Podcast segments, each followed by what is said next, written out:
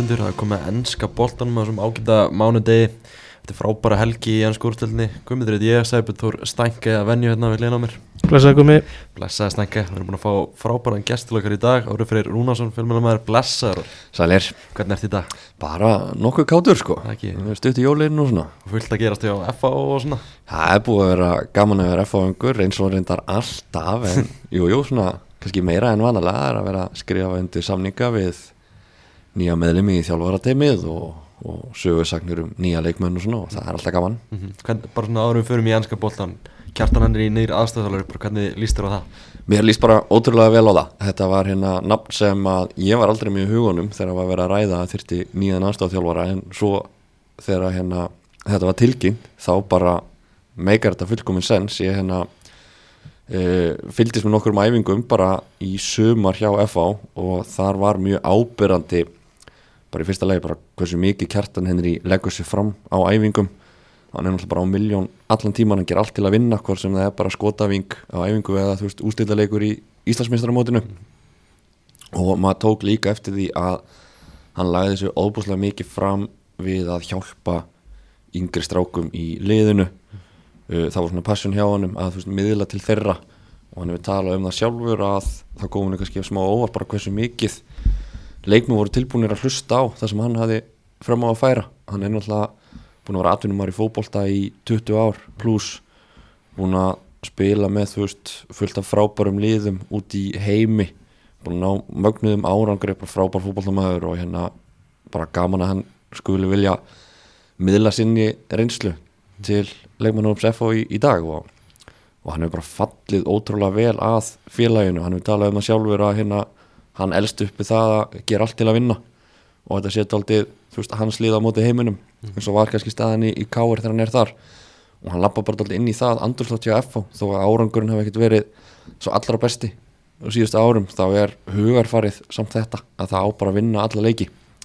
Og hann fellur óbúslega vel út í undir þá hugmyndafræði og svo var hann alltaf tilbúin að taka þátt í smá bandir líka og mér leittist ekkert að sjá andlitað hans á strætóskildum í, í vestubænum sem næst frostaskjólunu en ég held að það hefði stuðmarga stuðamarga káringa að segja þetta. Hver áttu þessa frábæru hugmynd? Herri það, þetta hafi ekki verið hann, hann garðar í sem séur margsmálin okkar í FH hann fekk þessa hugmynd og, og þá voru held ég allir tilbúin að skrifa upp á þetta. Þessi hugmynd, þetta er náttúrulega bara fyrst og fremst ógeðslega skemmtilegu bandur og veist, alltaf F og K það er svona smá rígur hann á milli og bara gaman að sjá þetta svona utanfrá. Já, já, það er, ég held að þetta ristir ekkert djúft, sko, ég held að, held að ekki sæst alveg, ég held að allir með þess að hörðustu káeringar hafa náli getað svona brosað út í annað. Þegar ég sá þetta og sem betur fer það er eitt stórt auðlýsingarskildi hjá Kappakrika en ég held að við höfum svona puttana í því hvað byrtist þar, þannig að það verður erfitt fyrir það að hefna sín. Þetta er þetta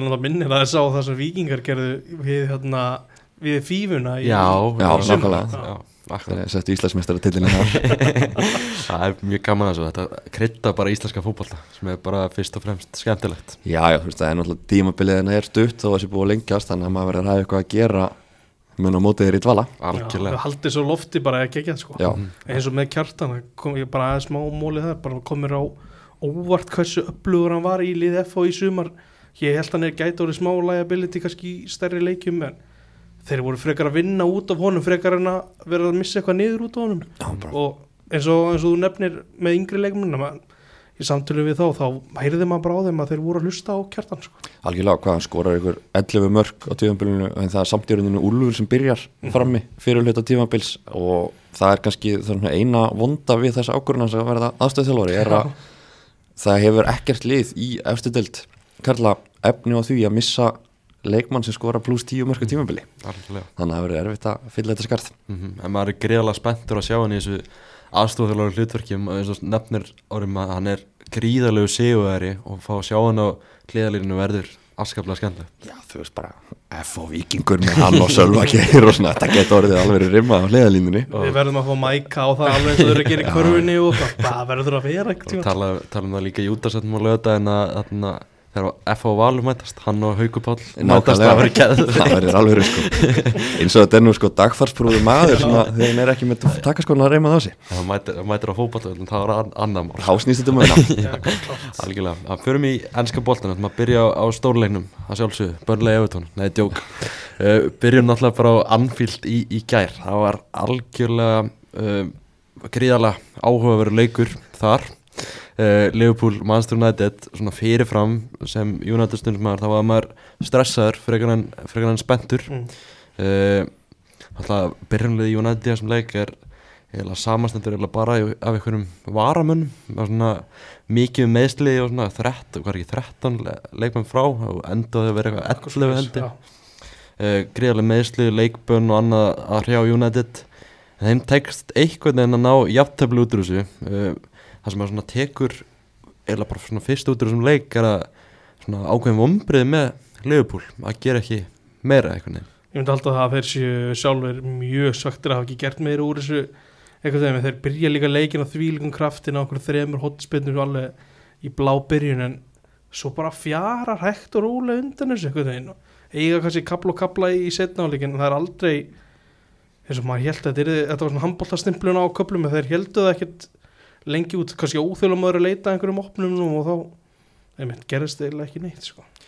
bara algjörlega sammála og hérna mér fannst fyrstu mínútunar vera lengi að líða því þá var maður mjög stressaður svo var maður svona róleira eftir því sem leið á leikin það komin einhver smá kabli í, í seinni háleik sem að er sett aftur út aldrei svona þunga pressu annars var þetta rosalega svona máttlust þeir náttúrulega áttu endalust að marktilurunum Já, það átti En- að vera 35 tilraunin Þú veist, ég held að 16-17 þeirra voru fyrir utan teik Mhm. og aðrar veist, 10 úr mjög þröngum stöðum með fullt af varnamönnum fyrir fram að sig.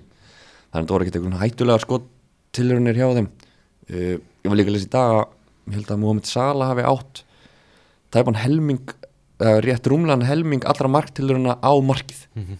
segir mér hvað þeir eru fann að sko bara treysta á hann kannski allt og mikið hann var samt, Sala var einhvern veginn bara skuggina sjálfur sér samt í þessum, í þessum leik og maður tók ekkert rosa mikið eftir honum. Nei, í raunin ekki, en náttúrulega bara lokuðu mjög vel á hann, sérstaklega Luke Shaw og, og Johnny, nei og, og Varan Mhm.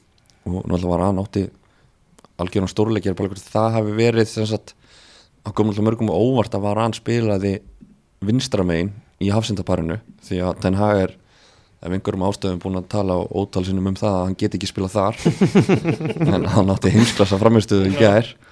Og það er spurning hvort það er verið með til þess að hann átti að, að loka á sala Já, á já, ekki bara hlýtur að vera.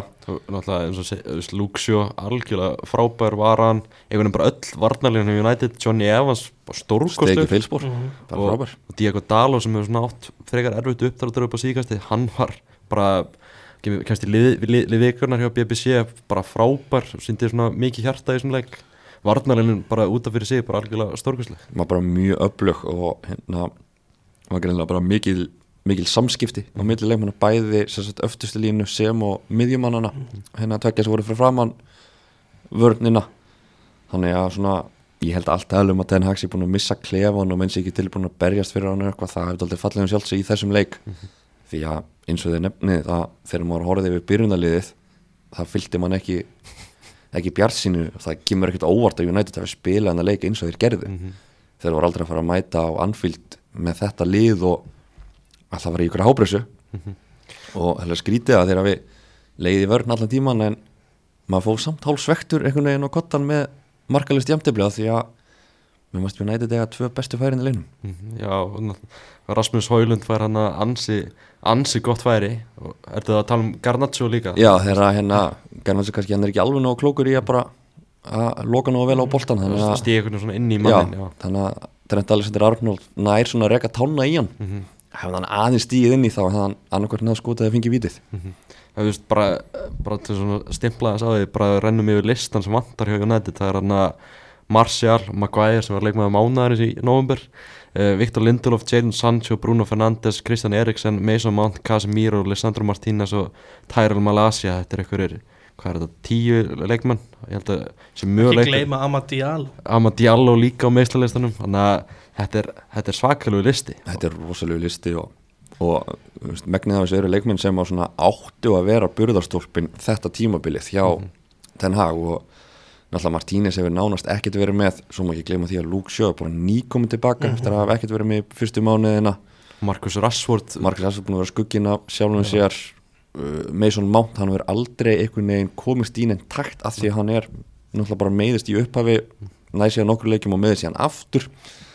Þannig að hérna það verður spennandi að sjá svona hvort þetta verði aðeins auðveldara eftir áramót hvort að leikmenn fara að snúa heilir og, og það áspilnum hvort það verði eitthvað viðsnúningur á þessu tímabili Þetta er náttúrulega ekki að vera jafn þungt einhvern með leikjahálfa eftir árum og það sem að það er engin dildabikar og það er ekki hérna Evrópa þannig að það ætti að vera hægt að rúlla aðeins á, á hópnum svona og mikilvægastu hestar getur spila flesta leiki sko. Já, Þess að Rafael Vara Já. hann kemur hann inn búin að vera í svona smá útleg eða einhver ástæðu upp á síkastið Mm.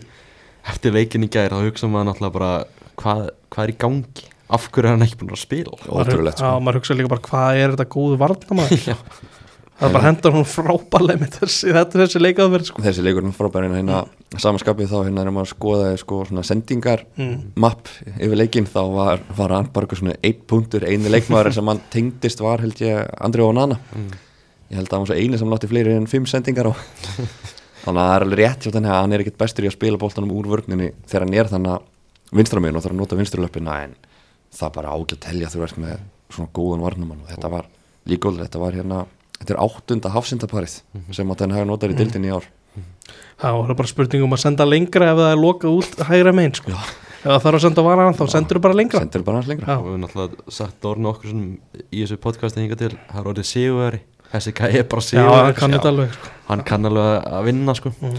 Mér finnst hérna, líka eiginlega útrúlega þetta með tölfræði Liverpool mann er eitthvað að sitja á þá þú veist, þeir voru alveg betra lið og allt það en, en þeir eru samt með þú veist, þeir fá þann möguleika að vinna boltan af Amrabat bara hægri vinstri sem að var í alls konar brasi með boltan en ná ekki að nýta, þetta er svona ofan allt svekkilsi að þarna var líka alveg gluggi sko. tóku rángar ákvarðanir, trekki, trekki, trekk bæði, sko, Ryan Gravenbach var nú ekkert mikið skárið en Amrabat hann í byrjunleik sem misti bóttan trekki, trekk og þú veist, ef ég væri stuðnismæður Liverpool, þá hefði ég talsvert miklar áhugjur af sókninni hjá þeim, því að þeir eru eins og ég sagði hann, þeir treysta rosalega mikið á Sala eh, Diogo Sjóta er næst margaðistur hjá þeim sem er náttúrulega bara eiginlega alltaf mittur já, já.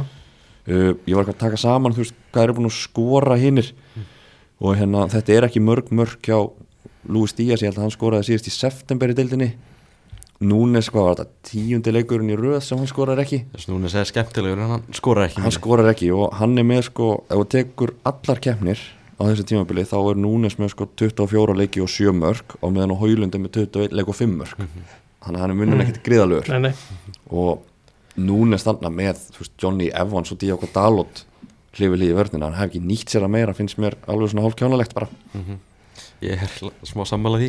Uh, en þú veist að hinnum endavallur er líka eins og segir fa- United fær tvö bestu færi leiksins Rasmus Haulund fær hann mjög gott færi hann setur hann boltan bara í Ég er nú samt að segja að færi sem trend færi sé nú alveg gott færi sko. Skotið þannig að, Já. já, það er, þú veist, það, maður sér hann bara renn, sér hann fyrir sér renna boltan með hóðni sko. jú, jú, hann, hann var ég var, það fór kaldur sviti Já. þegar hann fyrir sá hann hérna að taka það sko mér fannst það eiginlega betra færi heldur en sem að Hólund fær Já. bara Svo- vinkillin sko. Það er slaupaðir hann einhverju fimm saman þegar hérna, ekki Núnes og Díaz sem komast inn í teg og hvort það var sjó eða Evans sem hlaupa og óna hann og fellið það síðan alla niður það sem gerist þar er að líka sko Darvin Núnes ég veit ekki hvort hann hefði getað náðu þessum bolta. Hann er alveg samt snöggur sko. Já, En þegar hann fer um beint í að byggja um vítið já, alveg rétt, já, ég spáði þessu líka. En Rasmus Haulund hann er búin að spila núna 13 leiki á skórstöldinni 0 mörg Alltaf menn mikið að tala um þetta er þetta orðið mikið áhugjefni hann skul, skul ekki skora í hans skórstöldinni Já, mér finnst þetta að vera orðið áhugjefni líka bara upp á sjálfströstið hjá hannum sko, meðan hann er duglegur og hleypur þá er auðveldar að fyrirgefa honum og bara hann er að fá mér finnst eini maðurinn sem hefur reynd að leggja upp fyrir hann vera Marcus Rashford sem er núna einhvern veginn dottin úr liðinu. Garnaccio getur verið frábær en hann hleypur alltaf með hausin niðri. Hann lítur aldrei í kringu sig sko, þannig að hann er ekkert að spotta neinn hlaup sem að Hólundur er að taka inn í teig og maður væri náttúrulega búin að taka ansi mörg bræðiskvöst ef maður væri með hæfileika Rasmus Hólund þegar að Anthony er að bruna upp kantinn og tekur köttið á vinstri löpinu og missir boltan því Fóla að hægri löpun í gær. Hann fór einu svona hægri löpinu í gær sko. Plataði alla á velli. Og bara eila sjálfan sér líka sko. Ógislega fyndi opnaði hann að samfélagsmiðla eftir hann fór hann á hægri löppina og Trent Alexander Arnold hann fór hann fram í honum og stundum með Leopold voru bara að missa sig. Hann, veist að Antoni fer nú ekkert rosalega mikið fram hjá mönnum einhvern veginn. Hann skildi að fara fram hjá Trent. Það var bara svona vandræðið fyrir hann sko. en hérna Nei, og já, ég held að þetta séu kannski bara vandamál sem Ten Hag þarf að fara að leysa. Þeir þurfa, maður sér að Hólund er að taka réttur hlaupin, þannig er duglegur hann hleypur og jöflast endalust þeir þurfa að nýta meira þú veist, láta hann halda boltanum. Þú veist, þeir hann snýr baki markið fá liðið framar og meðan það vera, þú veist, maður nýttur en þetta er líka orðið vandamál hvað hann er lítið í inn í leiknum mm. hann er ekki með expected goalsnum eitthvað um tæplega þrjú mörg sem er hann ekki er, er ekki neitt fyrir framherra í þessu liði eftir svona marga leiki. Já, bara ekki- í rauninni framir í neinu liði í þessar deild Já. eftir þetta marga leiki. Og hann er hvað ekki sá framherri dildinni sem hefur fengið fæstar sendingar til sín. Mm. og það er vandamál sem það er að leysa það er bæði hann og liðsfélaganir Mér finnst það góð punktum með þessum að Garnaccio setur hausinn hausin svona niður eitthvað mér og er bara mjög direkt. Og menn er Rashford alltaf eitthvað tjekka tilbaka og híka og maður er bara hluft á mannin getið þú veist fundið smá milli við hann á bara fín milli. milliverð, það væri frábært sko. Kannski einn punktur í viðbútt með Master United. Ég held að það sé bara stjarn að fæðast þarna Kobi Meinu þessi gæi fer hann að Anfield hvað er hann gammal 18-19 ára. Náttúrulega búin að vera flottur upp á síkastið þegar hann fær að spila. Uh. Vist, það, mér, mér líður bara einhvern veginn núna bara, veist, það var bara byggja liðið í kringum gæði já, frábæð leikmaður. Hann var hvað spila fyrsta úrvalstilda leikið sinni í byrjunliðið á móti Everton og verður bara maður leiksins þar. Hefur síðan ekkert verið neitt í mjög stóru hlutverki síðan fer aftur í byrjunliðið á Anfield og er alveg bara bestur í þessu United ja, já, með kannski vörninni. Frábæður, hann var eini sem hafði einhvern veginn kontról. Hann alltaf rólur en ég skil líka hann alltaf meiðist á Prísesson er ekki móti Real Madrid. Úst, ég frá í einhverja þrjá fjóra mánuði að hvað það er og ég skil alveg að veist á þessum aldrei að fara aldrei hægt á stað þannig að hann verði ekki að klíma við meðísli bara það sem eftir er ferilsins. Aðeins að lífunum en þegar hann er orðin 100% þá var þetta bara eitt fyrsta namni á blað.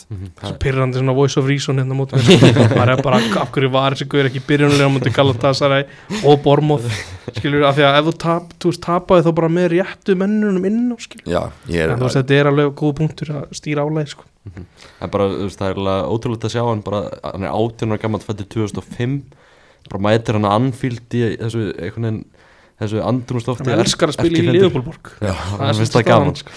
Bara hvernig hann yfir og bara pinga boltanum frá hægri til vinstri. Það, veist, það eru ótrúlega hæguleikar hann já, frábæð leikmaður. Mm og verður gaman að sjá hvernig það hann skemmtileg miðjan í framtíðinni í Englandi með hann og Jude Bellingham já, það er samlega það er gaman að, gaman að sjá það. Uh, já, virkilega, virkilega spennandi leikmaður bara eins og tölum við á hann Leopold með hvað, eitthvað 35 tilraunir. En veist, 26 sem að fara ekki á markið sko. bara blokku skotið að framhjá sko. hjarslátturinn fór einhvern veginn aldrei upp samt Nei. Voru, þetta voru ekki. engin dauðafæri nema kannski eins og nefndi að Trent var aðna eitthvað ágætisfæri annars var ekkert mikið að frétta þannig séð sko. það var svo færi sem maður hefur séð svo oft fara inn sko, eitthvað svona, menn leggja hann í hotni að, þeir, að þetta var bara þú veist þetta var eins og drillur sem þú gerir oft á æfingum þú færði hann á vitjabóðan eða í, bara á, í alvöru takti en hann setur hann bara framhjá sko. En þeir eru náttúrulega búin að skora sko, Liverpool er búin að skora fárlega mörg mörg fyrir utan tega á þessu tímabili sem hefur aldrei verið að bjarga liðinu svona mörg sem eigi ekki að eigi ekki að koma í rauninni og mm. veist, allir þjálfarar náttúrulega hata skot fyrir utan tega því að tölfræði segir að, að þá sér þetta bara að tapa boltanum en eitt sem langar líka að nefna með hennar leik er að búin að vera háar ur, svona umræða um það á samfélagsmiðlum í dag sem er stemningin á vellinum Mhm. ég, mér fannst ég taka rosa mikið eftir því í gær mm. Leikmenn Liverpool voru trekk í trekk að reyna að æsa áhundur upp sem bara gekk ekki upp. Og eftir því sem leið á leikin þá svona jógst pyrringurinn við hver einustu misanaða sendingu. Já. heyrði maður bara svona pyrringsljóð fara völlin og mann leita alltaf eins og stöðnir sem Liverpool hefði verið mættir eins og það væri að fara á bara Liverpool Cambridge. Það átti bara að valta yfir United og fyrst það var 0 til 20 mínútum þá var fólk bara verulega ósátt. Þú veist, ég var að tala við nokkra stundum með Liverpool fyrir leikin í gæðir og bara það, þau voru eiginlega bara að hlæ- hlæja að mér sko. Þú veist, ég kom hann að ég er svolítið stressað fyrir um leik, ég veit ekki hvort ég nenn að horfa á þetta einu sinni sko. og þau voru bara hlæjandi, já já, þetta er bara 5-6-0 sko, bara létt bara, þú veist, alltaf þessi 7-0 leikur í fyrra situr svolítið svona fast í, í minninu sko. Já. Vist, ég held að United hefur reynd að spila þú veist, sinn leik sem, ég veit ekki alveg hvað það er en, Hvernig en leikurinn? ef þeir reynd það þá erum við að tapa svona 5-0 Já, það er bara vörðust vel og ég var, þú veist, fyrirlega voru púlar í kringum mig að segja það er þið erfitt sko.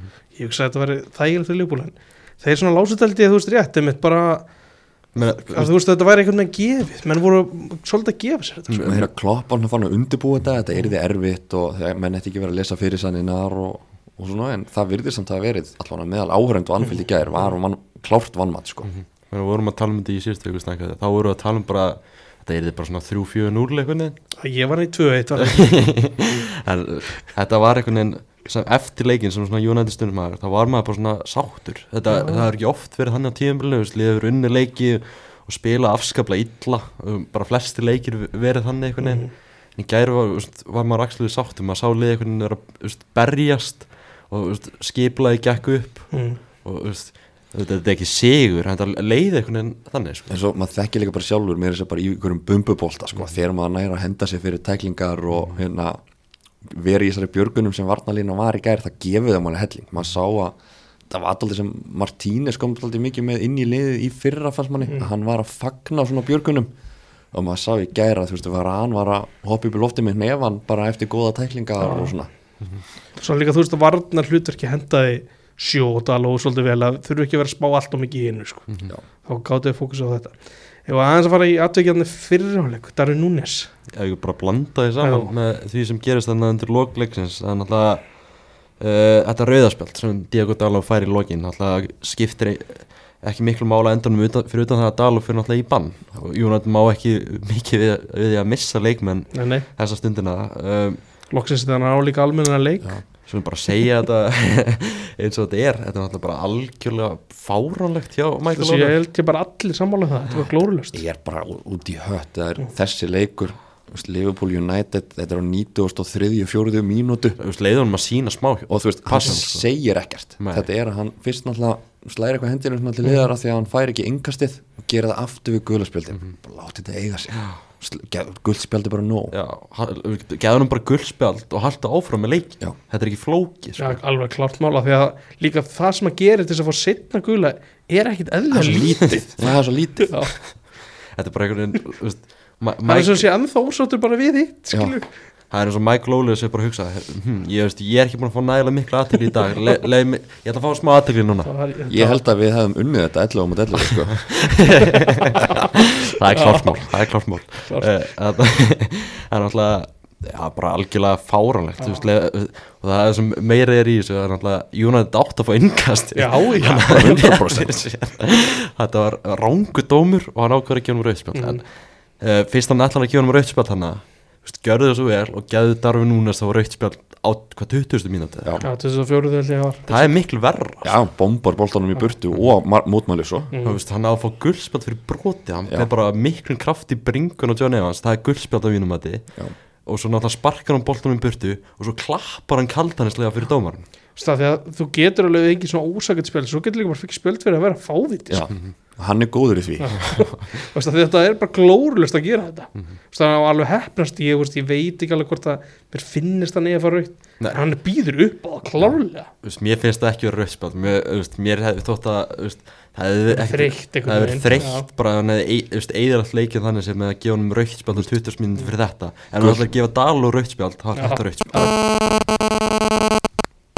guldspjald og kannski láta Van Dijk aðeins róa niður. Mm. bara áfram gag Já, bara þetta var afskaplega skrítið og þetta var bara einhvern pyrranda leikurinn skulle enda svona einhvern það voru, við fyrir við það kannski betur eftir en það voru fleiri svona undarlegir dómar eins og alltaf í þessa helgi. Það, Ja, enska úrústöldin, þetta er þetta er, þú veist það, það Hún dreifur til umræðuefni, dómarnir sko. Uh, það var náttúrulega svona, kannski að lokum hennar leika, það var náttúrulega hiti líka eftir leikin það er, sko, það er eiginlega mesta vistlan oftast eftir þessi leiki þegar að Rói Kín byrjar aðeins að tjá sig í stúdíun hjá þá Skype loksins sem hann er ekki að drull yfir Já, United, sko. sko. Já, náttúrulega Virgil van Dijk, hann fór hann í viðtal eftir leikin og hann skauti eitthvað í áttuna Master United hann hann var eitthvað með á og hann hann fór Rói Kín að tala um að, að Liverpool menn hefði verið smá hrókafullir Já, ég veit ekki, þú veist, vann byrja kannski á Van Dijk bara. Mhm. ásáttur við hvað? Að við, að hafi reynd að ná í úrslit. Mhm. það er svolítið skrítin hugsun sem ég finnst líka oft komið hjá Klopp. Bara hann býst við að lið komi bara guns blazing og leifi þeim að vinna 5-0 bara á því að vera með heimst leikskipuna Mhm, Van Dijk tala svolítið eftir leikin að hann svona tekur alveg smá Ronaldo moti Íslanda á þetta og segir að United hafi verið skíunum eitt stig og fagna því mikið og hafi bara eitt lið á vellunum vilja vinna leikin og eitthvað svoleiðis sko. var bilaður fögnuður eftir leikja ég tók ekki eftir í Nei, sko. þetta ekki eftir viðtölu við United Lemon þau voru ánægða með vörnunu hjá sér Mm. þau voru ánægða með að veist, halda hreinu. En veist, þau sögðu allir að þeir vilja samt spila til að vinna og, Mhm. og ég meina ég held að Hólund hafi til dæmis ekkert átt auðvöld með að sopna í gær eftir að hafa klikkað ferinu hann er bara, sko, mjög mikið viljað hafa boltan á vinsturlöpinu á sér. Heldur hann hægri sama með þú veist, Garnaccio, svo þannig alveg í lokin bara 90. mínúti þegar hérna Rashford á boltan fyrir sem þeir eru hérna nokkur í United menn sem að reyna að tegja sér í boltan, þú veist, hefði einhvern að pota tánn í hann þá var það mark líka. Þannig að þeir fengi alveg færi og ég meina hvað hefði Van Dijk sagt að hefði, þú veist, United ná slisin 1-0 Alltaf ekki sagt að sko. nákvæmlega samt. Svo hann vist líka hafa verið að hérna reyta ykkur í Onana hann hefði verið að tefja já tölum við þessum það. Ég reyndar finn stundum og nanna heppin með að fá ekki svona aðvarinni sko. Já, við bara bara, oft lengi eitthvað svona dútla sko. og hann er náttúrulega líka í liði vikunni hjá Gar Krúks en náttúrulega hann er alveg- hann er geitinni, hann er alveg stóran þátt í þessu stíi en náttúrulega bara einhvern veginn þeir töluðu um það á Síminn Sporti í gæri Eðismári talaði svolítið mikið um það. Og hann fekk greinilega skýr fyrirmælum að bara hæja á leiknum og hann gerði það vel. Og hann náttúrulega Van Dijk það sem hann á að, á að hafa sagt við Onana eftir leikina þér að kenna við spilum bara 30 mínútur í dag já, Já, sem er bara ekki ekki rétt, að þú veist ef þetta hefði allt verið að hann hefði verið svona lengi með markspunur þá er bara dómarinn fann að bæta því bara Mhm. mjög grimt við mm. -hmm. sem var ekki í gæri af 5 minútum bætt við þrátt fyrir þetta rauðarspjald og það að United, nei að Liverpool hefði það bara ekki pressaðan meira þar með boltan í löpunum Mhm. það er bara ekki Dónana að kenna Nei og þarna Van Dijk greinlega eitthvað pyrraður en Roy Keane eins og við tölum á hann hann var í stúdíunni á Sky Sports og hann ákvað að kastaði bara tilbaka þarna Van Dijk talaði um að hann væri, væri róki í honum og þurfti að minna sig á er að spila fyrir félag sem er unnið eitt englandsmeistar til á rúm 30 árum. Mm akkurat það er ekkert það er ekkert inn, innstæðin ekkert svakaleg. Þeir eru búin að vera á við topi núna í hvað, sex ári eða eitthvað. En innstæðin er þessi eini titill. Mm -hmm. Og hann getur, hann getur talað með aðeins fleiri til það. En þú veist, ég, eitt sem ég spáði líka að því að við erum að tala um pressu og markmann og svona. Cody Gagpo er sem besta leik fyrir Liverpool mot United á síðust tímli og hann byrjar á bekknum og, kemur seint inn á og kem, er í rauninni einhver takt eftir að hann kemur inn á það var svolítið svona já, þegar, já, núna er bara búin að vera eitthvað, hann er búin að vera svona ólíklegur einhvern veginn á undanfælni mm líka það voru ekki margir í þessu liðbúliði sem veist, með að tella sig eitthvað góða í þessum leik. En alltaf tölum líka Dominik Sobaslæg hann er búin að var eiga fína rispur á þessu tíðumbili hann var afskaplega dabur í þessum leik. Hann var mjög lélur og ég held að þú veist, nú þarf kloppa hans að fara að hugsa þú veist, því að hann þarf aðeins að fara að kvíla bæði Soboslæg og held ég Gravenbach þeir virkuðum fannst mér bara alltaf þreyttir í ger já, sem var því. með það mikið aðeim náttúrulega óðumni náttúrulega Magallistir er mittur og Tiago er mittur en veist, ég veit ekki hvort að Tiago væri í einhverju stóru hlutverki á þessari miðju hvað sem er sko en, en það þarf aðeins að fara held ég að gefa gefa Soboslæg smá kvild mm -hmm. Jónandi tekur þessu stíð náttúrulega bara fagnandi út frá því sem hefur verið í gangi síst viku náttúrulega f- bara frammestaðan og úrslutin ekki verið ekki verið nægilega góður liðið þetta út úr meistariðinni og árangurinn bara alls ekki verið góður þú veist, held, haldið að þetta geti gefið liðinu mikið og, og Ten Hag sem hefur verið undir mikið til pressu liðið þannig að bara að vinna núna vestam, þú veist, sína einhverja þú veist, að þetta sé það er þetta byggja orna á þetta eitthvað en sóknarleikur var náttúrulega ekkert mikil í þessu leik það er aðeins að grytta hann framhald að gera og svo er Aston Villa, þetta er alveg tveir erfiði leikir núna í röð sko. Tveir mjög erfiði leikir og þú veist, eins og þú segir vandamáli hefur verið þegar United liðið er að sækja Mm. að þá korki náður að skora og opna, gal opna sig að baka til maður svona kannski horfir á þess að næstu þrjá leiki og náttúrulega forðast líka útvöldi sem verður alls ekki auðvöld Já, það er ekki myndið satt aldrei að segja auðvöldar en hínu tveir sko, Já, fyrirfram auðvöldar en Já. hinu tveir, hann verður ekki auðvöld það er ekkert, auðvöld fyrir þetta Jónæðli uh, Svona næstu þrý leikir, er, er þetta svona úsleikir fyrir tennak einhvern veginn? Ég held ekki. Ég held að þú veist, það er að koma náttúrulega vonandi að nýr eigandi, minni hluta eigandi sem á að taka íþrótta ákvarðanir. Eins og staðan er núna þá er engin hjá United sem hefur ákvörunar valdið að reka Ten Hag það er með þetta stór undarlegt í Gleisir fjölskyldan myndi taka ekki núna þegar að það eru samningsverðar í gangi um að annar aðli fá að taka sér það er engin það er framkvæmdastjóri engin framgöndastjóri, það er ekki einhver bráðabyrðastjóri að fara að reka þjálfara. Það getur vel verið að Jim Radcliffe sé með einhverjar hugmyndir. Hann, sagan segir hann sé búin að funda með Graham Potter. Já. Ég ætla ekki að gefa mikið fyrir þær sögur veist, það er náttúrulega að skoða allt hjá United núna, bara hvernig allar ákvörnir eru teknar og svo framvegis ég sé ekki að vandamáli þannig að sé Ten Hag frekar en það var allir hinnir þjálfaranir sem að fara í gegnum nákvæmlega sömu ringrósina að eiga ágætis fyrsta tímabil. Það svo svona, leiða fyrir að ganga illa þá koma nákvæmlega sömu sögursanir það eru svona ákvarðinir á tennag eins og þess að til dæmis sem er varaðan að geima hann á begnum það, er, eru svona ákvarðinir sem pyrra mann. Og Antoni byrja alla leiki og, og svo leið sko. Já, ég er alveg sammálað því en hérna, svo er kannski vandamálið Hver sem hefði átt að byrja í stað fyrir Antoni sko. Pelistri Pelistri. þegar. Pelistri var þannig að þegar Antoni var á hliðalínunni Mm. og þá náttúrulega byrjaði Pelistri nokkra leiki Þú veist, ég sé fyrir mér að Pellistri hefði gert nákvæmlega sama Já, að já, Antoni gær, já, sko. já. Já, já, Antoni gerði náttúrulega ekki neitt og hefur ekki gert neitt nema þannig Hann er fínn varnarlega. Einn leik á móti Galatasaray hann er duglegur Hann trakkar gerir, hann gerir ekki neitt annað fyrir mann sko. Nei, nei, Það er kannski það sem að þú veist, hérna, hefur verið svona gaggrinnin á Rashford. Mm. hann hefur verið sína svona tilburði að fóður svona höndum í staðin fyrir að trakka tilbaka. En alltaf, já. En vandamálega er náttúrulega bara veist, þessir sem er í framlýninni hvort sem þú ert með Garnaccio, Hoylund, Martial, Rashford, Anthony það er að koma null út úr þessu. Mhm. og það að McTominay sé orðin einhver helsta ógn Man United fram á við er náttúrulega bara hræðilegt. Því Fyrir það veist, var það í rauninni Casemiro. Casemiro var bestur fyrir það. Að því að það sem gerist er að veist, það kemur ekkert annað út úr McTominay þegar hann er í þessu hlutverki að koma bara í sinna hlöpunin í teig mitt. Algjörlega, náttúrulega United náttúrulega bara fagnar, fagnar þessu stíi með stöðuna hjá liðinu. Leopold fagnar þessu stíi alls ekki. Og maður heyrið það og mikil reyði í mínigarðinum í gær. Já, sem stundins með Leopold voru samankomnir. Það voru einhver svo reitskvitið einhver, einhver hópspjöld og svona en veist, Leopold er hann í topparni Jamie Carragher talaði um það hann var ekki sem Leopold vinna, vinna deildina. Veist, eru við sammálum þar?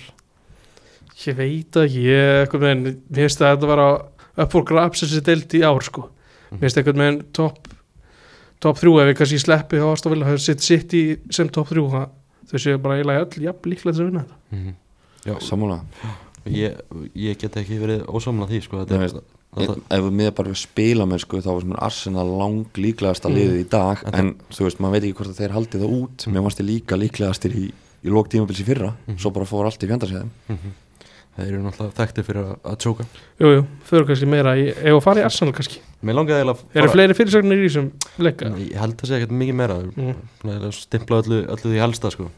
en það er svona, langaði að fara í að við erum að tala um toppar Já, hvað með það? og við erum að tala um að hún sé svona up for grabs í ár. Mm. Manchester City. Já, já, þetta er, veist, þetta er maður er eiginlega farin af áhyggjur að þeim sko. Veist, náttúrulega maður svona hugsar já, þeim, þeim mæta bara í janúar og, og vinna alla leiki eftir það. En veist, það er eitthvað skrítið í gangi hann þú veist, náttúrulega mæta Krista Palas um helgina komast í 2-0 og miss það niður í 2-2 þú veist maður sá Gardiola var svona heimilefandi hvernig þeir kláruðu leikinu mjög fegin þannig með bara kláruðu leikinu alls ekki buðu bara upp á vesen sko. og þessi 2-1 sigur á Luton þetta er eini deildasigur þeirra í síðustu sex leikjum mm. það er eitthvað já, það, það er svona eitthvað ég veit ekki, það er að auðvelt að fara í eitthvað andlega þreytu eða eitthvað, þú veist að erfitt að halda velgengni við og eitthvað en alltaf vantar sko líka hann alltaf spilar þú veist, mjög ákveðin bolta og þú fittar ekki inn í Mm. þá taktík þá ertu bara ekki leikmaður mannstu sitt í og var bara þegar það vantar náttúrulega kannski náttu því að kannski var smá klúður að losa sig við Cancelo því að hann var óbúslega mikilvægur í þessu uppspili. Vantar náttúrulega rosalega mikið að vera ekki með Kevin De Bruyne sem hefur bara eiginlega ekkert verið með. Og svo vantar Hólandi og svo vantar náttúrulega Holland í í Og gær, Stones, eða merkina, en, og John Stones sem er Mhm. óbúslega mikilvægur hvernig þú veist, er John Stones ekki spilar. bara mikilvægst leikmannin City svona ásand Rodri? Bara upp á leikstil Jú, auðvitað þarf að vera með þú veist, þéttleikin á miðju og mann sem geta þú veist, snúið og hort fram að því eitthvað sem að, já, fleiri félög kannski þurfa að skoða, menn sem geta snúið. Uh, en já, þú veist þú veist, Ríko Lewis kemur með annað heldur en Stones og er ekki alveg kannski sama coverið tilbaka, sko. Og svo líka jöfnunumarkið sem þeir fá á sig þeir missa boltan tvísvar mjög klaufalega á slæmum stað. Hvort þessi Phil Foden sem missar hann fyrst bara hann við miðsvæðið boltin best þetta kant sem var Bernardo Silva eða eitthvað sem reynir einhvern fárunan snúning bara við eigin vítateg. Og svo kemur, var ekki Foden eftir sem gefur bara á Jú, ferðinu og ætlar að dúndra hann í burtu og hitti mannin sko. þetta er varnaleikur sem þú hefur aldrei séð sitt í bjóð upp á sko. klöð þeir eru ógeðslega ólíki sjálfum sér. Bara í st- bara fyrst 11 samt, ég að öskra á mig bara ég næ ekki pælingunni á Guardiola. Að vera með Josko og Guardiola í liðin það vantar, vantar kannski svolítið að tala um það að hann er bara búin að vera floppinga til sko. bara slagur bara slagu sko. líka, þú veist, hvenær hefur hann spilað vinstri bakvörð? Ná, hann getur alveg leist það held ég. Þú hann getur það en hann er að þú sérð bara hvernig maðurinn er byggður. Hvað er hann að fara að koma með strauðandi upp, hafið upp kantinn sinn, þú veist? Þetta er náttúrulega sitt í kerfi það er alls konar variantar á þessu Þess vegna fannst mér svo- punktur sko. Gans cancelo-punkturinn svo góður skilur því að það var maður sem að var að fara að keira upp völlin og inn á miðjuna og búa eitthvað til sko. en svo er líka bara, þú veist, Guardiola er bara með það vald sem að, þú veist, aðri þjálfur vilja hafa. Ef það gerir eitthvað til pyrran, þá ertu Mhm. bara að fara þú veist, þannig var alveg ljóst að Cancelo var aldrei að fara að spila aftur, því miður kannski fyrir City sko, en svo mikið glemum því að þeir voru náttúrulega miklu betri en Crystal Palace í þessum já, já. leik, en þú þarft að þú þarft að klára leikina. Mm algjörlega bara líka hrósa Krista Palas fyrir kartan að koma tilbaka gaman að sjá Michael Olise vera komin til baki í Mhm. liða og spila vel það gæja sem sitt í hugsaðum að kaupa í sumar það var ekki Chelsea líka eftir honum og mm -hmm. bara alveg er spilari sko. og hann er alltaf skemmtilegast í þessum leik var að sjá svipin á Rói hann já, Góður hlátur, sko. það er þetta Dín Henderson í markinu líka munar hellingum hann var góður hann er að fara að taka marki held ég hann er að segja að fara að taka þetta af John Stone þegar hann snýr tilbaka sko. sitt í stundum en að fagna að Remi Matthews var ekki á veldið stangri þessum leik. Sá mikli meistari. Svo líka áður tölfræði, ég var að segja það í dag að Guardiola er svo þjálfar í deildinni sem hefur skert fæstar skiptingar. Já, já, hann bara skiptir ekki leikmunum hann Mm. kvílilega breytir náttúrulega liðinu mikið á milli leikja sem náttúrulega óþólandi fyrir okkur sem spilum fantasy en, hann elskar að gera breytingar í mistraldildinni já, en hérna gera miklu minnaði í dildinni hann er búin að fara sem sagt í gegnum heldur tvo leiki á þessu tímabili Mm. án þess að gera neina skiptingu. Já. sem því að hann er, þú veist hann er með Calvin Phillips á bæknum en það eru meiri líkur og hann fari sjálfur í takkaskó inn á heldur en að henda honum inn á. En hann er ekki einhvern veginn að gera breytingar, nota bekki sem til að breyta leikjum. Hann alveg geta verið með versinni sem eru í gerði ykkur breytingu og lokaðu bara leiknum í stöðinu Mhm. 2-0 algjörlega.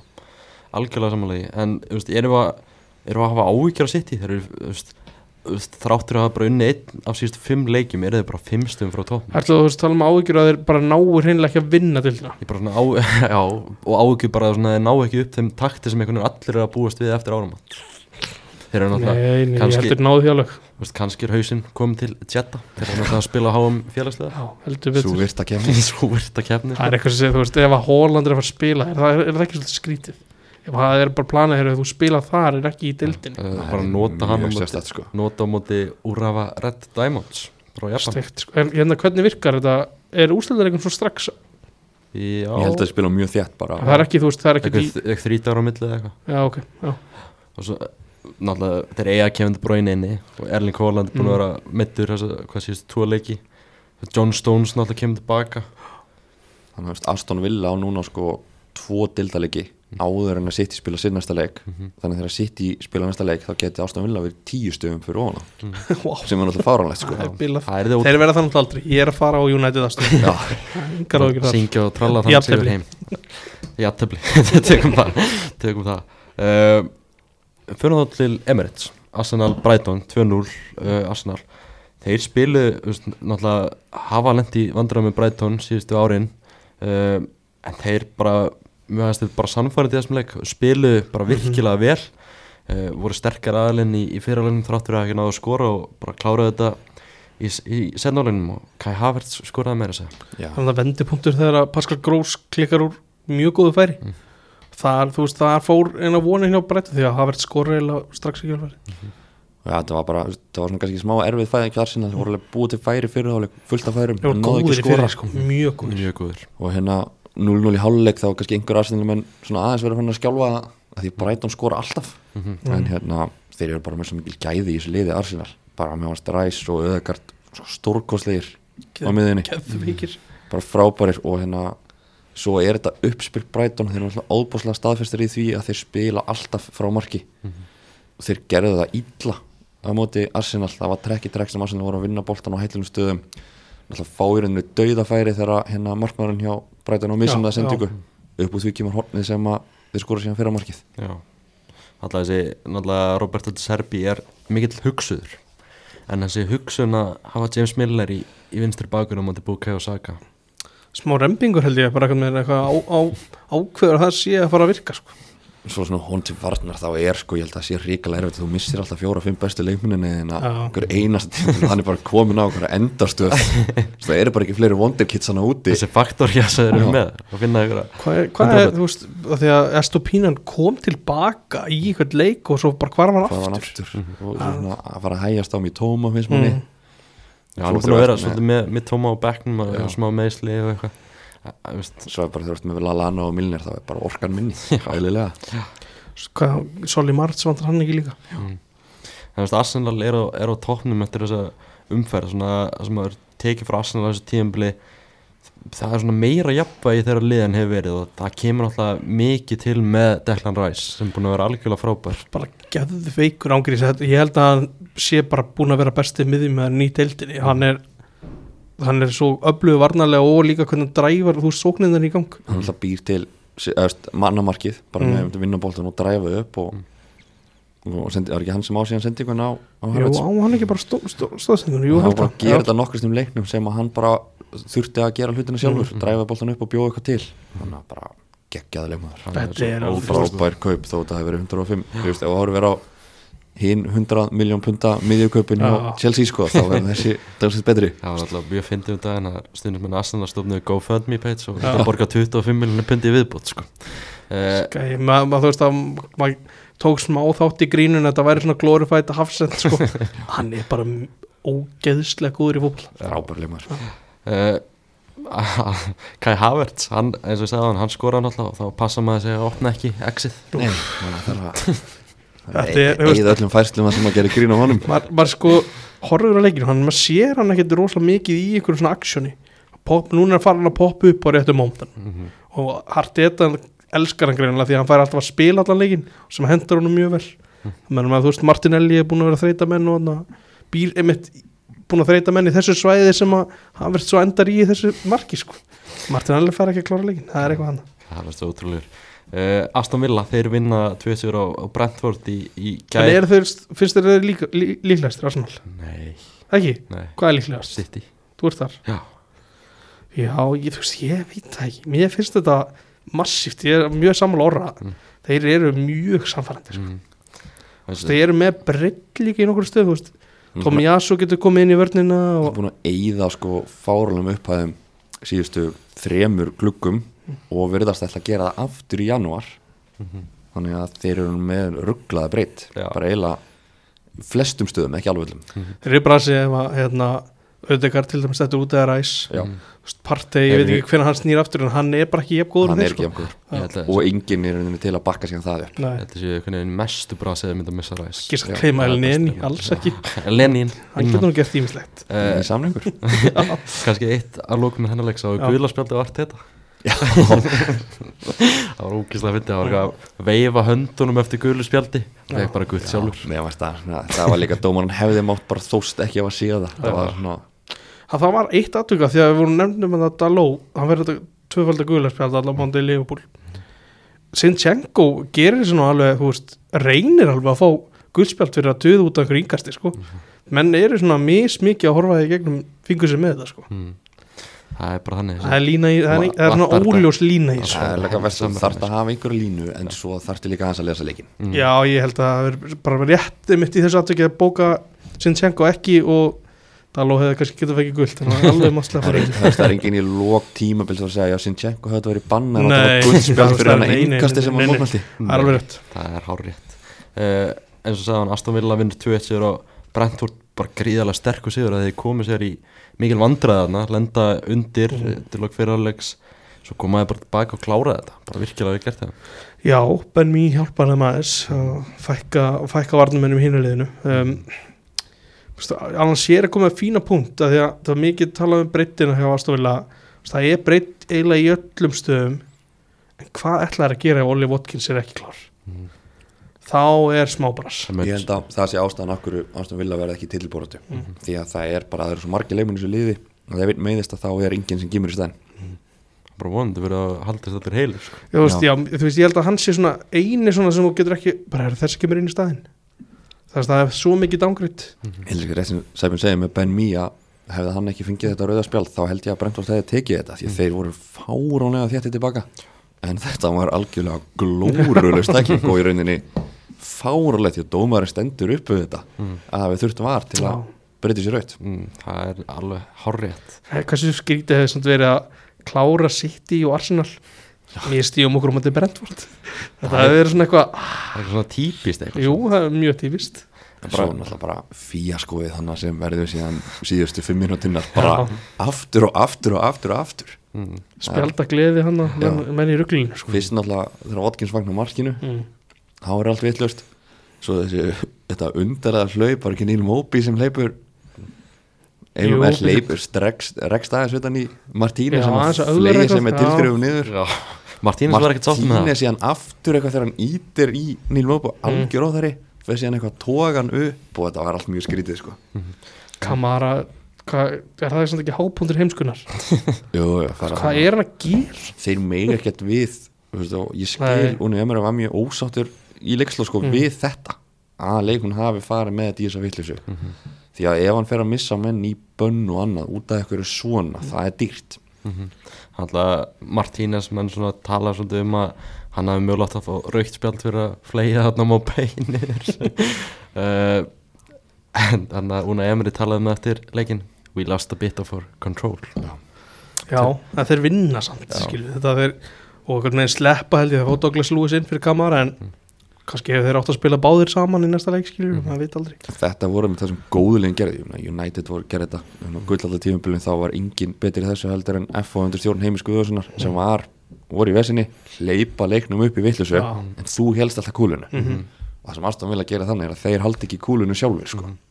Það, veist, það verður svona ógeðslega gaman að sjá hversu lengi Aston Villa endist í þessari barati að þeir eru bara einustu frá topnum 17 leiki búnir, það er ógeðslega vel gert hjá þeim og ég mun að verða á topnum næstu velki þegar ég að, sjö- þegar ég að byrja hana, umferðina förstaskvölda mútið Sheffield United. Já, það er sur Já, þannig að eins og segi bara gaman að sjá hversu lengi þetta endist bara vondi sem lengst að alltaf gaman að svona öskubusku sögum sko. það væri best fyrir að tanka byggarnir sem fyrst og svo bara sjá til hvað er, hvað er verða nálægt þessu þegar Evrópa fyrir ganga aftur sko. en náttúrulega við vitum að Emery er frá að vinna Evropadeildina svo sem þess að góð segja þið verða að sjá til aðeins þar ef þeir eru í topportin þá þeir samt að verða þeir að bara spila Mm. bjöliðinu sínu þar sko, það er bara þannig uh, Vestaminur 307 á mútið Wolves það, svona, það sem ég tek út af því einhvern veginn bara uh, Erik Ten Hag, hann var að þjálfa Ajax hann var með Mohamed Kudus og hann var með Antoni bara hvern Mm. tek ég? Ég tek Antoni ótrúlegt sko. Þetta er- Já, þetta er, við erum búin að fara svo oft yfir þetta. Það er ekki hægt að finna neyn rögg þegar þessi gút á sig miklu betur sko. hann er, er ógislega góður. Hann er einhvern veginn svona að taka vestam upp á einhvern veginn svona nýtt plan sóknarlega sko. maður alveg í fyrramarkinu að hérna Dawson eða eitthvað hann í, í vörninu og þeir vissu, Jose Medo þeir vissu ekkert, er hann að fara á hægri löpina vinstri löpina, er hann að fara að dræfa beint á mig? En ég, hann skýt bara fyrir utan teg og skórar Þú veist, maður sá þetta á HM í Katar þar sem maður var að spila með Ghana. Maður svona horfði svona mikið á hann þar. Hann, þetta er ógislega góðu fótballtamaður Og þú veist, þetta er líka ekki eitthvað óvænt að hann hafi verið svona eitthvað laus að þetta kaupa hann, skilur, það var allir orðaði við hann hvernig fær Það er vestam bara, þetta er svo skrítið sko. Við- Það er aldrei eitthvað svona að geta sníðu kaup ef við tölum ennþá meira um Manchester United sko. aldrei þetta er eitthvað út fyrir aðeins bóksið sko. tökum Antonian á 100 miljonur evra í stæðan fyrir að taka Kutus á 30 sko. Þú veist, það meikar sens ekki sko. bara ótrúlegt sko og meira að segja þú veist þeir hefðu getið getið tekið hérna Koti Gapko líka Já. en það var bara nei, það er Antoni maður sem hann vildi alveg ótrúlegt dæmi það er bara grilla sterkur sigur hjá vestam á móti uh, skemmtilegu úlslið Vúls aðeins byrja að dala þeir voru skemmtilegir sko. ég veit ekki alveg hvort þetta sé svona það eru þeir bara þetta góður þeir eru bara Þeir- 15. besta liðið. bara og en það er samt í besta falli viðmóð mm Mhm. eru þeir ekki bara svona rétt fyrir ofan fallbakka dæmi? Jú, þetta er verða ekki fallbáratu Já. en, en fara ekkert mikið ofan það en þeir náttúrulega eru kannski eitt aðeins svo miklu á sínum tíma og það sé alveg svona challenging að þjálfa á núna. Já, það er það, það er ekki mikið að gera. Það er ekkert mikið lefni viður Gary O'Neill bara standa sig vel sko. Þannig sé sko. Já, ég held það. Stá, Svo svona ofan á það við rættum að aðeins í sumaklökunum að það sem þeir kiftu þá þurftu þeir að kaupa. Er obligated to buy bara 40 miljónum bara Það er ekki Mattis alveg já, fastir sko. Mattis Kuna kannski ekki alveg 40 miljón pila maður. Balla sko. Hann er búin að vera ákvæmtur já, en svo sá ég viðtal við Geró Níl eftir leik og hann var svona ósáttu við að hérna Súfal hafi ekki fengið er Fellur engin lítið við er að- engin maður verið óöfnir með domgjast Nei, sko. ég þarf bara að taka alveg undir það það er ótrúlegt að hann hafi hangið inn Mm. ég skil mjög vel að að Móisa við kipt honum út af sko. Þeir þurfa að fá Petro Neto sem fyrst Já, aftur. Já, spurning hvað dómarasamtökin hafa móti Gary O'Neill sko. uh, en kannski eitt punkt með Úls í viðbútt þegar voru að missa markmann Pálmur Arenbjörnsson mættur já. í Viking markmann markmaður. Hósið sagði enda léttar. Já, það var Hósið þetta bara mjög kátum með þetta. Já, það gaman að sjá það sko, Instagram, Pálmi byrti mynd í dag og þannig að Hósi Sa kommenta á það. Já, ok. Og að John Ruddy líka. Bara good, að ekki bara good luck mate. Já, þannig að gaman að, gaman að sjá það. Uh, Förum bara klárun lögadaginn líka. Það var náttúrulega uh, Everton. Já. Þeir líta ríkala vel út það valdefldi á svakalega að fá þessa stigaröfsingu sko. Svo sem er náttúrulega United er eina liði sem hefur látið börni líta ákveðlega út það sem hafa verið sér tímabili. Já, en Nei, nei, Everton bara. Já, Sheffield reyndar náða að láta þetta mjög vel út. Það er gaman að vera í þeim hópi. Já, Þannig að Þetta er bara kraftaverki og Sjón Dæs Sjón Dæs einhvern veginn svona maður ímynda sér að hann sé búin að búa til eitthvað svona mentality bara við á móti heiminum. Og maður sér það bara á liðinu þegar það spila sko. þetta er alveg massíf hild sko og í takti, maður sér það þegar þeir eru án hérna brandþveit í þessu leik Michael King kemur auðvitað bara inn og skórar þetta er eitthvað svona alveg skor alltaf núna. Já, Þú veist, ef þetta væri bara í bullandi Evróparati eða þeir ekki fengið þessu mínus tíu sko. þeir eru væri eitthvað í nýjöndu seti Já, það var í nýjönda seti Já, En mi- tíunda seti Mikið held ég að skríti fyrir Sjón Dæs að mæta á sinn gamla heimavöll og, og sjá þennan kompanibólta mm. Ég lasa, lasa eitthvað Sjón Dæs var með óbræði munnum nákvæmlega. kom ég var búin að gera það Svona átti ekki að vera. Ninni, ninni. Hvað, var ég búin að gera við það sem hann beði Törfmúin er sko alveg vel gamaldags völlur. Mhm. Það á ekki að vera einhverju nýtísku fótbolta það Nei, sko. nei, alls ekki sko hérna, Þetta gekk í Champions-dildinni Svo ef þú ætlar að spila þetta í Euróstildinni þá þarf þetta að styrkja liðið ansi mikið. Það gerði börnlega ekki. Þessi leikmannhópur er bara enga veginn næla góð til að spila hann að bolta í ennskórastöldinni og maður, eins og það er núna þá maður ekki að sjá neitt annað en að börnlegi falli bara með skömm sko. Já, Jóhann Berg meittur einhvern veginn kom eitthvað óvænt upp eða þú veist, það var ekkert fjallað um það og blaman fundið eitt. Meittist á móti Brighton. Já, kannski að kompani bara, bara hættur að henni að tjá, tjá sumna og Jói er bara of, of, of meittur því miður sko. Mm hann bara úgislega leiður eftir að sjá það sko. af því að hann væri núna startir í liðinu og það var smá taktur einhvern veginn eitthvað kringum að, þú veist, maður gæti horta að hann fór út af þá rund allt skilur og svo jákvæða var það sko Mhm. það væri fínt ef hann væri bara til taks alltaf sko uh, Sean Dice uh, fekk hann að dundrandi lóaklapp hann kom Mm. inn á, á törfmúr uh, mæta sinn gamla heimavöll þá það vel skilur gríðarlega vinsallana þegar náðu ekki eðla góðum árangur hann undir hans stjórn sko. En er ekki börnlega kannski að vissuleiti mestu vonbröðin ekki það maður búist við miklu en þeir eru bara miklu slakar en ég átti vona Já, náttúrulega, við vorum með spáina fyrir móti Mm. mm. þau voru bara ekki tólta sett í þeirri spá sko. Er ekki Burnley Chelsea United það er ekki þessi Jú, þrjú kannski fólk hafði m- veist, meiri trú á þessum það- en bara komið í ljósa Mm. mm. leikmenn þeir ekki alveg nægilega góður í þetta sko. Af þessum nýlum þá var kannski helst ná Lúton sem hafa átt eitthvað að spretti Luton er, Það á sko Luton er bjartasta vonin á þessum nýlegun sko. uh, þeir eru fólk að Lyle Foster aftur mm, hann Svona- kem, kemur tilbaka eftir að vera að glíma við andleg, andleg Mhm. veikindi Kemur sjá á spurning hvernig hvort hann komist í takt bekknum. Mhm. Góðuleg maður. Já, en eh, bara eins og að segja Evertón að standa sig hrikalega vel og þeir eru aldrei nokkuð tíma að fallur Nei, ekki sko. sens ekki sen sko, James Tarkowski geta þess fleiri stig? Gert þetta spennandi? Jú heldur veitur, ég, Taka tíu ég held að það sé alveg ljóst hvaða þrjúlið falla sko. Það er bara svo leis þarna náttúrulega Chelsea vinnur hana Sheffield United 2-0, það er kannski við þurfum ekkert mikið að tala um þann leik. Chelsea, Chelsea, Chelsea er aðeins þeir eru svona þokkalegri yfirlt á heima sko. Mhm. Alltaf mín tilfinning þeir voru ekkert sérstakir í þessum leik sko. Nei, gáttu ekkert í fyriráleik gerðu þetta- ekkert. Þetta setna mark var líka svo skrítið bara hvað gerðist, það var allir hættir. Og Nikola Jackson fagnaði ekkert eins og Nei, þú veist, það held allir að það væri búið að dæma eitthvað. Já. Þetta var já, þetta var mjög undarlegt en Er hann að skora svolítið svona gefinsmörk? uh, hann var- fagnaði mikið þessari þrennu hann á móti fimmannaliði tóttina það sem hann átt að skora sjö mörg eða eitthvað sko. En hérna Cole Palmer hann er Bara besti leikmann í þessu Chelsea-liði það er klart mál Sitt ekki að nota hann, wow. maður hugsað það nefnilega sko. Hann var, veist, Það var heldur sala sem var ekkert plönuð sko. City hlýtur að sjá eftir að hafa selt hann sko. Já, hann var svona, þú veist, daldið svona hann var kannski tveimur árum eftir fótinn eða eitthvað Mhm. mm. maður man eftir umræðinu þegar fyrir fótinn er að koma fyrst upp að hann fekk ekki bara mínútur hjá Guardiola svo gerist það sama með Cole Palmer nema að hann misti þólumæðin og fór. Ég held að sjá ekki eftir í dag Nei. þá að þetta- Chelsea Nei. getur ekkert að Nei, hann er að blústra maður er að sjá fyrir sér að þessu gæði bara að fara á EM með Englandi næsta sumar. Já, bara mjög líklegur í hópin sko. besti leikmaður Chelsea tímlega eins og nefndir þannig stækja Mm. fyriráleikurinn, ég held að Chelsea hafa verið með 0,07 í XG eða eitthvað. Hvað voru, þú veist, 70% með eitthvað, það var eitthvað United. Og Sheffield United áttalega skindisóknir já, sem það geta refsa Chelsea en svo verður spurning hvað gerir núna veist, Chelsea áfrekar auðvelt prógram Mm. á næstinni þannig að það er spurning hvort að þeir ná að nýta það og rífa sig í gang. Það var hann að væra klippa Mikael og Múdrikan í leiknum kvættar hann inn á hægri og neglur hann mingast. Lýsandi fyrir hans tíma hjá Chelsea heldur betur. Ekki geta neitt og eins og talaður um aðan svona Chelsea stundum nú var að rósa Moses Cassetto eftir hann að leik. Bara, veist, þetta er Sheffield United sko. Já, Það er holding henda miðjum Enzo- að mótið þeim. Já, búin að henda Enzo á bekkin já, Þetta er allt mjög Þetta er skrítið en svo spyrum við ef, ef þetta fer ekki að ganga hjá Chelsea og þeir taka annað ár með yngri Európa-kefni á hljótar að fara að lendi í einhverju Mhm. já FFP-versinu það sko. hlýtur að vera. Geta ekki lengur skiptið þessu niður á nýju ár? Nei, einhverju nýju, köpum það búið að breyta, breyta þeim reglum. Það tala samt um það núna upp á síkvættu Mauricio Pochettino var að á fréttamöndar sem að tala um að þurfti manni allar línur. Já.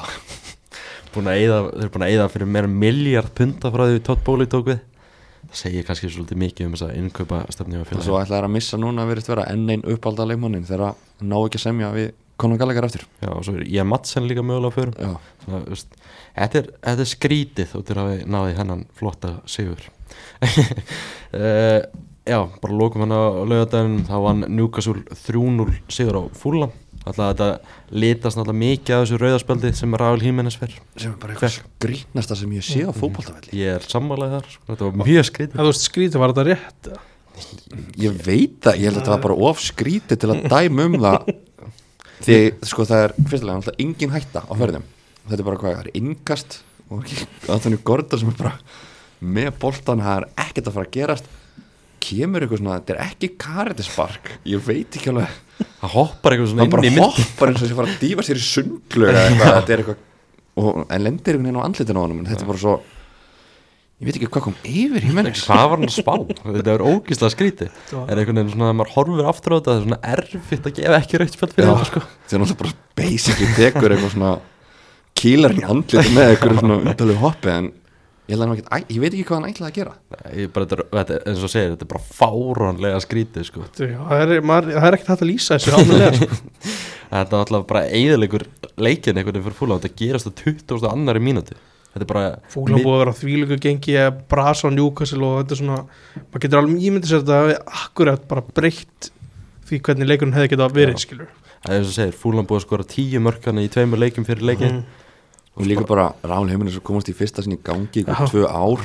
Og lendir núni að missa af einhverju leikjum út af þessu. fyrir allavega í þryggjarleika bann fyrir þetta. Frábært. Nema þetta verið til að sem bara eitthvað ekstra violent conduct bara að maður gæti alveg séð það fyrir sko. þetta, var, þetta var ógeðslega hvernig myndir þér að lýsa hann í veist, hann er ekkert að fara að reyna Nei. með hann Alltaf hann hafi ekki verið, svolítið lengi að skrifa þessa skýsla fyrir bara eitthvað, hvað gerðist þarna? Uh, en já, Núkasól gengur svona bara lægið einu fleiri setna áleikin setna í alveg uh, Lewis Miley þessi gæði er búin að koma ríkilega vel inn í þetta. bara maður, 17 ára það vissi engin hvað gæði sem var Nei. bara í oktober maður- en það er rétt sko, hann vissi nákvæmlega engin nema hann hefur örugglega verið tæpur líka á að vera bara í myndinni fyrir leikmannahóp sko. Hann er bara í einhvern öllum þessum meðsla vandræðum búin að grípa tækifæri heldur betur, standa sig ríkilega vel Þú veist, ef hann væri í Manchester United þá værum við ekki að tala um annað en þennan gæði Nei, sko. nei, bara það leikmaður, framtíðin. sko. Alveg sammálegin alltaf þessi, þetta tímbil hefur litast ríkilega mikið af- meðslum hjá Núkasólum en þeir eru bara samt, bara í sjötta sæti með 29 stíður ofan Master United sko. Það er ekkert grínum mitt 17 ára að fá þessa ábyrð Mhm. þú ert bara í liðir sem ætti að challenge að mistratildina þú þarf bara til að livera í hverju minnsta leik sko. Mhm.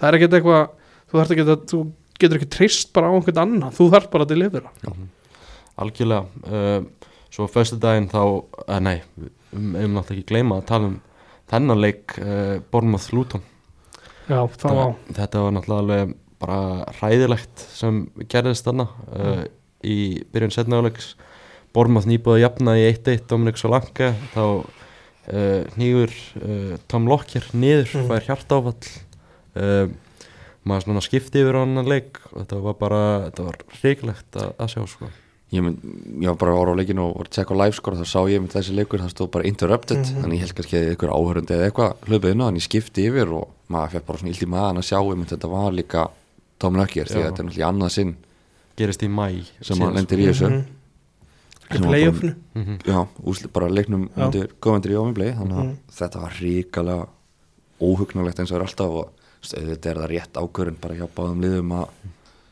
slöfa þessu leik og ég held að sé að fara, hvernig sem hann verður kláraður kemur sem bara ljós. Held að sé að fara að spila hann bara allan aftur. Bara 90 mínútur. Já. já, en bara fyrst og fremst þá vonum maður bara að sé allt í lagi með Tom Lockyer. Maður svona, maður fekk bara einhvern svona gott í hjarta maður las bara einhvern tímundum eftir þetta að, að hann, hann var allavega alert en responsa og var bara Mhm. vakandi skilur já, hann bara vonandi bara verður allt í lagi með hann. Og sé líka bara, þú veist Edvards hlaupin á völlin eitthvað bara át höndurum bara, þú veist, farið frá honum eitthvað skilur hann vi- vissi alveg hvað þetta þetta gera bara sko. er- þetta er alveg sker í dæmi sko. Mhm. og þarna, já, bara þetta var bara erfitt að sjá þetta og maður svona, það var e, veist, það var ennþá útsending frá vellinum Mhm. þegar þetta- þetta var í gangi sko, hann var ekki síndur maður sá bara áhörðuna, bara svipin á þeim Mhm. og svo heyrði maður alltaf lútonstundismenn að syngja nafnið hans og virkilega fallegt og svona einhvern veginn sigur sigur hann er svo mátti segja í öllu, þessu öllu saman var bara Rob Edwards stjóri Mhm. mm. Luton bara hvað, þú veist, hann hleypur inn á völlin tekur strax stjórnin einhvern Hann veginn tekur stjórn á aðstæðanum, veit nákvæmlega hvað er að gerast Þú veist, hver veit, þú kannski bjargaðan bara lífan sko. Mm. og það, fljótir að koma inn á völlin í læknateimi mjög fljótir, voru ekki að býða eftir einhverju Nei, leiði, bara hlaupa inn á bara eina rétta líka Algjörlega. flott hjá Edvards eftir þegar það er búið að flauta leikin af og þá tekur hann hringin hann og klappar fyrir öllum áhörundum bara alltaf með tárin í augun sko. Það- náttúrulega, Tom Lockyer náttúrulega fyrirlið Luton og bara gannilega mikil smetinu ótrúlegu ferill byrjar með Mhm. sko Bristol Rovers fellur með þeim niður í sagt, utan deildina í rauninni Mhm. vinnur síðan aftur upp, kemur lík von fer þá í Tjalton og upp í Championship þannig að hann er búin að spila í sagt, fimm efstu Mhm. deildum Englands algjörlega og bara eins og segir líka maður skilur það bara hárrétt ákvörðin að að stoppa hann að leik og spila hann ekki sko. að halda, halda ekki leik áfram í þessum aðstæðum. Eins líka bara gaman að sjá að hérna TV svona producentar hafa búin að læra aðeins eftir hérna þegar þetta gerist með Kristján Eriksson. Þar sem þetta var bara í beinni útsettingu myndavælunar á honum Mhm, það sem var- svona var náttúrulega umöðlegt að horfa á þó að maður var einhvern veginn slímdur við þetta. Mhm. þetta er bara miklu smeklar að gera þetta svona það var bara að vera að sína áhörundur það var bara virkilega fagmannlega gert og já, náttúrulega aðmálið að sé allt í lagi með, með kapan. Um, uh, já, fyrir þá föstudagskvöldi yes. Tottenham vinnur 2-0 sigur á Nottingham Forest. Þeir eru búin að vinna tvo leikir röð núna Tottenham eftir frekar erfiða törðana uh, Richarlison, hann er byrjað að sk- skora. Gaman að, gaman að því? Já, það er eitthvað aðeins vakna þar. Um, og þeir þurfa að halda á meðan að Mattisson er ekki og bara líka eftir hann kemur en þarf eitthvað svona að taka, taka við keflinu og þeir þurfa að dreifa þessu fremstu menn á meðan það vantar í liði sko. Og þetta Tottenham lið þú veist. Það er alltaf, þessi, við erum búin að tala um það svolítið mikið, þessi Chelsea leikur, eðuleikur hans mikið fyrir þeim, er bara samt sem áður, þetta er líklega skemmtilegast að liða að horfa á í þessari deilt já mjög gaman að horfa á það og, og þú veist þeir munu þeir munu tapa stigum á einmitt þú veist bara djarfri þeir munu einmitt fara á Anfield og þeir ekkert að fara að leggja rútinu það Einmitt. en hérna og svo er bara þú veist náttúrulega það sem að Mattisson gerði við liðið var ótrúlega mikið þeir sakna hans mikið en það eru aðri leikmenn svona aðeins að stíga upp. Það sem þetta fyndi við tóttinam er að það viðast aldrei geta verið þannig að það séu allir góðir í einu. Nei, þú veist það þarf alltaf að vera eitthvað svona einn bestur, núna er það Kulusevski og meðan að hann er að leggja upp og skora þá sést sonn ekki já, rólegur, mjög hann var mjög rólegur. rólegur á móti Nottingham Forest.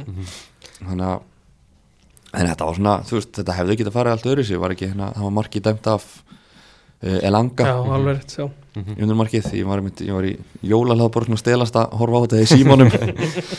Þegar það voru eitthvað leðalatri í gangi en hérna en þetta var svona held ég bara frekar solid held yfir hjá hjá spörs Mm, algjörlega og eins og ég segja aðan þeir eru búin að vera svona skemmtilegast lið að horfa á. Uh, Ívis Besúma hann er svona vantar stundum að bara svona, svona skrúfa heilan rétt á hann sko. Hann er náttúrulega lútonleikurinn frægið sko, hann fær annað gulla fyrir dífu. Og svo náttúrulega bara þetta var raukt spjald.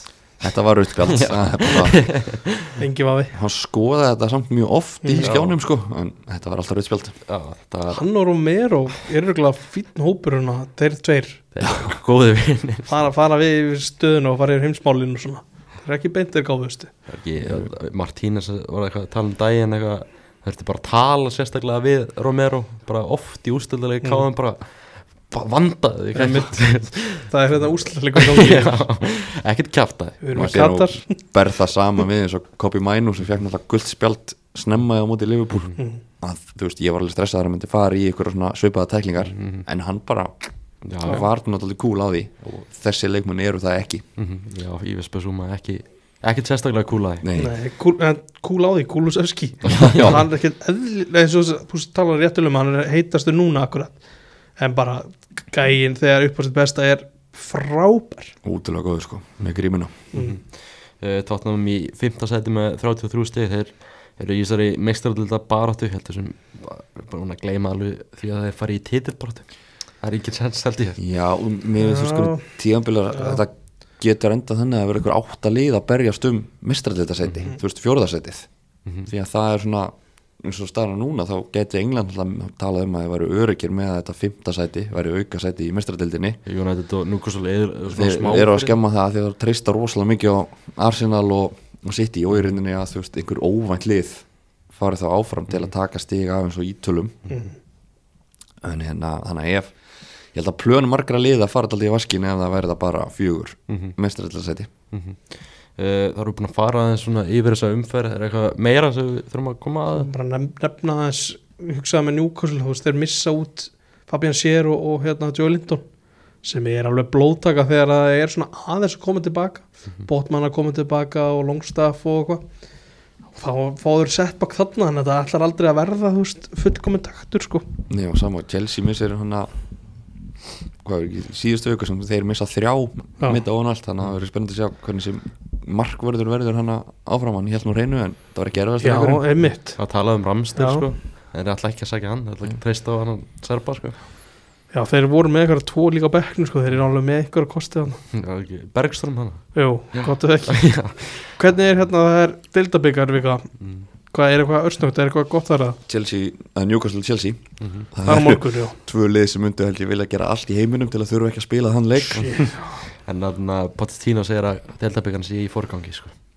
Í forgóð, Já, er það bara að segja það akkurat núna eða bara yfir höfu hann sagði það núna. Já. ætla að taka Það hefur hendur svona beintið til United leikin Dildabikar í forgóð Uh, já, eins og þú segir, Chelsea, Newcastle er svona stóri leikurinn, Portugal, Middlesbrough það er mjög hóvert Það í, hvað er þetta ekki áttalúsund? Ég getur drætt að var þetta ekki svona að því að voru bara leikir eða ekki það var engin morgunleikur á lögadaginn þetta var alltaf leikir hann klukkum tvö. Já. það var eitthvað svona einn óáhugaverðasta svona leikja niðurröðun sem ég sé lengi í ennska bóltanum mm Já, þetta er of, þetta vill oft verða eitthvað neginn svona. Þetta er veginn mjög oft skrítið. Eins og um daginn það voru fjóri leikir klukkan tvö á sunnudagi Já, af hverju ekki bara dreifa þessu almennilega og, ég er hrifnast þar að þremur á sunnundum Eða jafnvel setni part, svona sunnundum það er var skemmtilegt sko.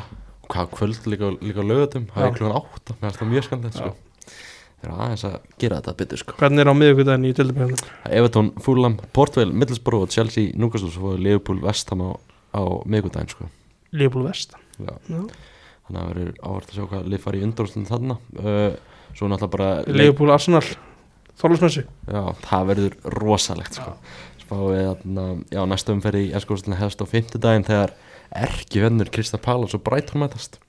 Umferð, það er einhver slagur um einhverja hraðbröð þarna í, í Brellandi Já, já, akkurat. M60 derby Já, Já. svo leis það er eitthvað svoleiðis, það er mikið hatur þarna á milli sko. Já, það er, verður gaman að sjá þennan leik. Uh, ég er búin að googla hennan rík Ég skil samt ekki alveg ennþá af hverju þetta er eitthvað ríkur nei, en það er ógeðslega mikið Já, það er mikið, mikið, mikið leiti sko. Þurfum að fara með svona suðurstranda veg rígir á Íslandi sko. Svo grindaði Þór Þorlaus. Í hvernig Uh, á föstudaginn er það náttúrulega eins og tölum á Aston Villa, Sheffield United mann sitt í Brentford er fresta og það sitt í er í, í Saudi Arabi á hám félagslega. Uh, og laugadagurinn, það verður er skemmtilegu dagur West Ham Aston United þannig í hátinn uh, United þarf að fylgja eftir þessum leifbuleik með sigri þar helst Þú ætlar að fá skötu. Ég, ég veist um það, Nei, ok. Ekki mikla líkur að því. Nei, en þú ekki, færðu þér skötu? Nei, Orðið, þú fyrir skötu? Nei, ég hef alveg gert það en hérna ég er svona að reyna að sleppa við það. Þetta er ekki ekki mannaður deyri úti. um leið og maður finnur líktina sko. Borðar þetta ekki sko. Það er bara svo sannlega ekki sköt á Englandi samt, sko. Nei. og eitthvað því sko. Fúlam Burnley hann líka á lögadaginn Luton, Newcastle, Nottingham Forest Bournemouth, Tottenham, Everton og svo náttúrulega stórleikurinn hann 17.30 um kvöldi Liverpool, Arsenal. Já, geðvegt það eru geðuguleikur Það verður rosalega leikur. Góð uppbytun fyrir jólinn sko. og náttúrulega aðfangadag, þá fáum við leik líka. Wolves Chelsea skrítið að fá að leika aðfangadag Það verður eitthvað grilla sko. Ég veit alveg um Chelsea, ég ætla ekki að segja Chelsea menn, ég veit um Chelsea mann sem er svona byrjaður í, í virðað með konunum sína þetta getur orðið erfitt. Þetta er eitthvað ógeðslega skrítið þegar maður er alltaf nöttari sem ennsku, þú veist, aðdáðandi bara ef liðið tapar, ertu þá bara að ónýtur allan dag bara að tapa bara þegar þú ert að að henda börnunum í jólafjöldinu þú ert bara í segi sófónum að horfa eitthvað leik. Já, já. Fíl og opna pakkana Ég er meiri áhyggjur að sko af framhaldinu það er það. bara kvöldið er bara ónýtt. Chelsea tapar mútið fúls eðalega jólin. Úf og svo náttúrulega bara jólin er besti tíminn einhvern veginn fyrir ennska boltan Já. Og náttúrulega fáum leik, fullt að leikjum á annan í jólum. Náttúrulega bara, þetta er einhvern bara hefð hjá Íslandingum náttúrulega bara og fólk út um allan heimurglega að horfa á ennska boltanum jólin, fáum meira að segja Master United, Aston Villa, stænki verið á vellinum syngja og tralla. Uh, á annan í jólum, Everton Man City hérna 27. og Brighton Tottenham 28. og svo Lundunarslagur líka Aston og Vestam, það er fullt af áhugurum leikjum og er gaman að, gaman að fylgjast með þessu, ekki bara eina sem maður gerir um jólin að horfa á ennska boltan Jú, Jú, heldur betur. Kannski ekki á aðfangandag ég, Nei, Nei, ég hugsa, ég, ég hugsa að ég fylgist bara með á livescore hvernig, hvernig Wolves fer um, horfa á þetta allir maður detti í það að horfa á þennan leik. En ég held að það sé ekkert meira frá okkur. Nei, ég held að sé ekkert fleiri píli sko. Stýttist bara í íslenska svona. Styttist í allt. Stýttist í leikjubíkarinn og svona, það er gaman að fylgjast með þessu. En það segir bara takk kærlega fyrir að koma ári Já, bara takk fyrir mig. Alltaf gaman að fá því heimsókn og bara takk kærlega fyrir að hlusta